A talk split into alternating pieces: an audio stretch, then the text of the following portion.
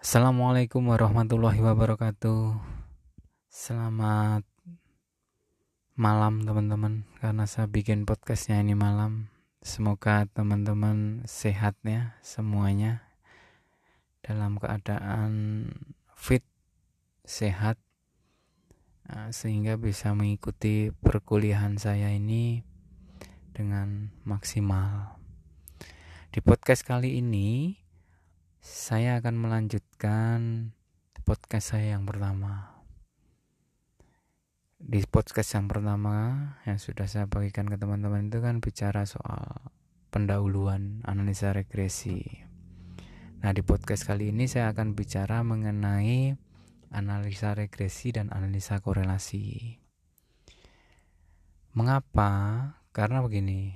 Gini teman-teman analisa regresi dan analisa korelasi ini banyak orang apalagi bagi teman-teman yang mungkin baru belajar statistik mungkin sulit membedakan kedua alat analisa ini. Karena kedua alat analisa ini kalau dilihat secara sepintas hampir mirip. Walaupun nanti kalau misalkan kita masuk secara mendalam itu ya secara esensi sangat berbeda. Tapi kalau dilihat secara sepintas uh, memang mirip. Apalagi kedua alat analisa ini masuk ke dalam uh, sebaran alat analisa yang berada di domain yang berada di ordo statistika inferensial. Oke, langsung aja ya. Perbedaannya begini. Kita kembali ke penjelasan yang analisa regresi dulu. Apa sih analisa regresi itu? Tujuannya untuk apa sih? Nah, seperti yang saya katakan di podcast yang pertama itu, analisa regresi itu adalah sebuah alat analisa yang ditujukan untuk menguji pengaruh dua atau lebih variabel. Jadi atau di atau dalam bahasa saya itu kan Analisa regresi ini kan sebenarnya sebuah alat analisa yang ditujukan untuk menguji apakah ada pengaruh antara variabel dependen dengan variabel independen atau dengan kata lain apakah variabel independen ini memang benar-benar secara signifikan berpengaruh terhadap variabel dependen. Variabel dependen itu akibat, variabel independen itu sebab. Nah, kata kuncinya pengaruh. Pengaruh. Kemarin saya bilang pengaruh ini ya bisa positif bisa negatif. Nah kalau di analisa korelasi ini adalah sebuah alat analisa yang menguji keterkaitan hubungan antar dua variabel. Dua variabel maksimal teman-teman. Tapi yang yang sering yang sering membuat orang apa namanya sering membuat orang bingung itu eh, dia kan analisa korelasi ini kan ditujukan untuk menguji hubungan. Yang nama hubungan kan juga ada hubungan yang bersifat positif dan hubungan yang bersifat negatif juga. Kalau hubungan yang bersifat positif itu ya hubungan yang bersifat searah juga. Kalau yang negatif ya bersifat berkebalikan. Tapi di analisa korelasi ini tidak secara mendasar ya dia tidak tidak sampai berbicara soal pengaruh. Jadi misalkan teman-teman mau menganalisa dua variabel nih, misalkan variabel yang pertama itu adalah produktivitas kerja, variabel yang kedua adalah besaran gaji. Di analisa korelasi dia cuma akan berbicara uh, an, dua variabel ini, produktivitas kerja dan gaji ini korelasinya seperti apa sih? Hubungannya kayak apa sih? Apakah hubungannya positif? Kalau berhubungan positif berarti produktivitas kerja naik, uh, gaji naik. Ya searah sama-sama. Tapi kalau hubungannya negatif itu berkebalikan. Kalau produktivitas kerja itu naik, gaji turun. Cuman Ya sama dong Mbak itu sama pengaruh yang positif dan negatif. Iya. Tapi kalau yang korelasi itu tidak berbicara pengaruh. Jadi bukan berarti kalau misalkan gaji itu naik ini akan menentukan produktivitas kerja juga ikut naik. Enggak, enggak, enggak. Dia enggak, enggak sampai di situ, enggak sampai di situ.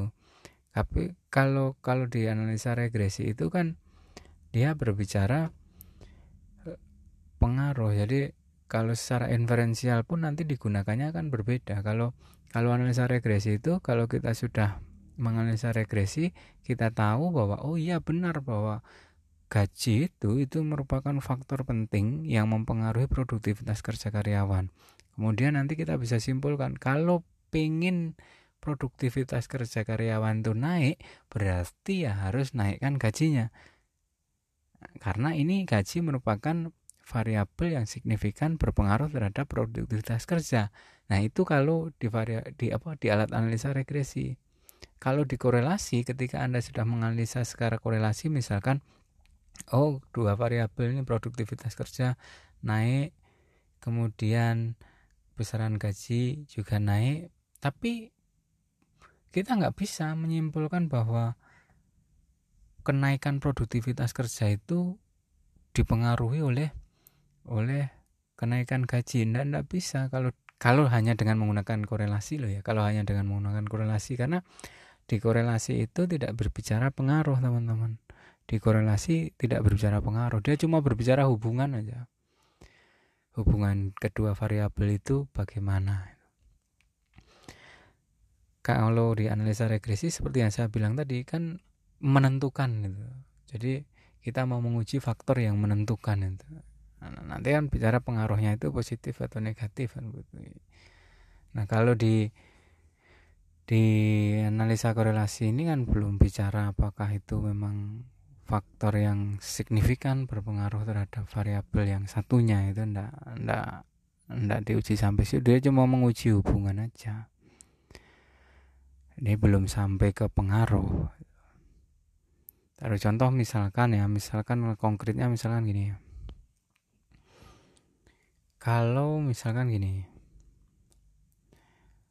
Uh, ada dua kita bisa menggunakan analisa korelasi itu misalnya ini ya. misalkan variabel yang pertama itu adalah IPK Mastorik misalkan. Kemudian variabel yang kedua adalah IPK Mbak Lani misalkan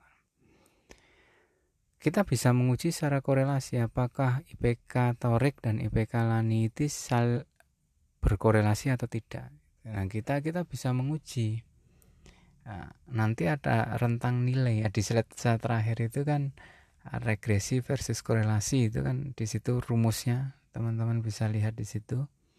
Di situ juga saya terangkan bahwa angka korelasi itu rentangnya dari minus 1 sampai dengan plus 1. Nah, kita mau menguji IPK Torek sama IPK Lani itu itu apakah berkorelasi atau tidak, berhubungan atau tidak.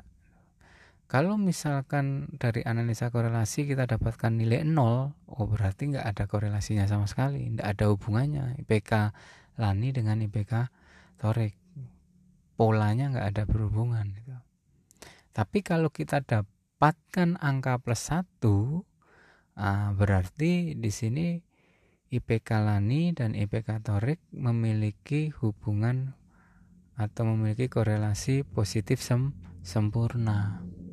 Jadi ketika IPK Torik naik, IPK Lani juga juga ikut naik. Trennya begitu. Tapi apakah IPK Torik dipengaruhi IPK Lani? Ya tunggu dulu. Kalau misalkan kita hanya menggunakan analisa korelasi. Karena analisa korelasi belum berbicara tentang pengaruh. Dia cuma uh, hubungan saja, dia hubungan saja. Atau misalkan kalau kita ketemu misalkan korelasinya positif misalnya berarti PK Torik naik PK Lani juga ikut naik itu oh berarti yang mempengaruhi IPK Torik itu adalah IPK Lani oh nggak bisa nggak bisa nggak bisa kalau kita belum mengujinya dengan menggunakan analisa regresi kita nggak bisa mengatakan bahwa IPK Torik dipengaruhi IPK Lani ataupun sebaliknya gitu misalnya. PK Lani dipengaruhi PK Torik enggak nggak bisa juga dikatakan seperti itu kalau kita belum menguji analis dengan menggunakan analisa regresi. Kita tadi cuma menguji dengan menggunakan analisa kore korelasi. Nah analisa korelasi ini ini kan cuma untuk menguji hubungan aja ada tidaknya sebuah hubungan antar dua variabel dan ya memang analisa korelasi ini memang hanya terbatas di dua variabel. Nah, di slide saya itu itu kan ada contoh soal juga teman-teman. Teman-teman bisa lihat tuh ilustrasi contoh soalnya dari saya. Kemudian di situ saya bahas juga pengerjaannya, ada jawaban, ada contoh soal, ada jawabannya juga. Nah, nanti di di slide berikutnya itu ada contoh latihan soal. Nah, saya meminta teman-teman untuk mengerjakan latihan soal itu. Kan ada tiga, tiga, tiga soal tuh. Tiga soal silakan dikerjakan buat latihan soal di rumah. Dan nanti hasil pengerjaan latihan soal itu bisa Anda tuliskan di lembar kerja Microsoft Word yang kemarin Anda gunakan untuk me menuliskan imajinasi rencana riset teman-teman yang Anda berimajinasi tentang keterkaitan beberapa variabel yang berada di dalam disiplin ilmu teman-teman masing-masing itu dalam disiplin ilmu teman-teman sendiri itu. Misalkan yang HKI ya disiplin ilmu HKI yang HES ya disiplin ilmu HES itu. kan kemarin tugasnya di analisa regresi kan begitu. Nah di analisa regresi versus korelasi ini ada tugas ada contoh soal di situ silahkan dikerjakan. Jadi nanti nanti teman-teman bisa tuliskan jawabannya di di bawah ide yang sudah anda tuliskan tadi. Oke gitu ya teman-teman. Uh, kalau misalkan teman-teman belum belum apa ya istilah belum paham teman-teman nanti bisa bisa kontak saya. Bisa kontak saya atau atau nanti bisa lewat ketua kelas juga kalau misalkan ada teman-teman yang yang istilahnya apa namanya hmm, ah saya nggak nggak nggak enak gitu loh mau kontak Pak Bayu sendiri gitu. Bisa lewat ketua kelas juga enggak apa-apa. Atau misalkan malah begini kalau misalkan ketua kelas misalkan mengidentifikasi ternyata ini banyak anak-anak yang pengen bertanya dikumpulkan semua aja pertanyaannya ketua kelas kemudian baru dikasihkan ke saya juga enggak apa-apa. Itu ya kalau kalau ada kalau ada. Kalau enggak ada ya enggak masalah enggak apa-apa tapi saya harap teman-teman semua sampai dengan materi ini dan teman ya paham ya. Itu oke okay, teman-teman semuanya. Saya akhiri podcast saya ini. Ya, sampai ketemu di podcast yang selanjutnya. Nanti saya akan bahas selanjutan analisa regresi. Uh, seperti yang sudah saya janjikan kemarin kan analisa regresi itu sendiri kan saya bagi menjadi dua podcast ya. Nah, ini ini podcast yang ini kan cuma untuk melengkapi aja untuk melengkapi. Karena ya seperti yang saya katakan tadi banyak orang apalagi yang baru belajar statistik itu kebingungan antara dua alat analisa ini dua alat analisa ini antara regresi dan korelasi. Oke sekian dari saya. Wassalamualaikum warahmatullahi wabarakatuh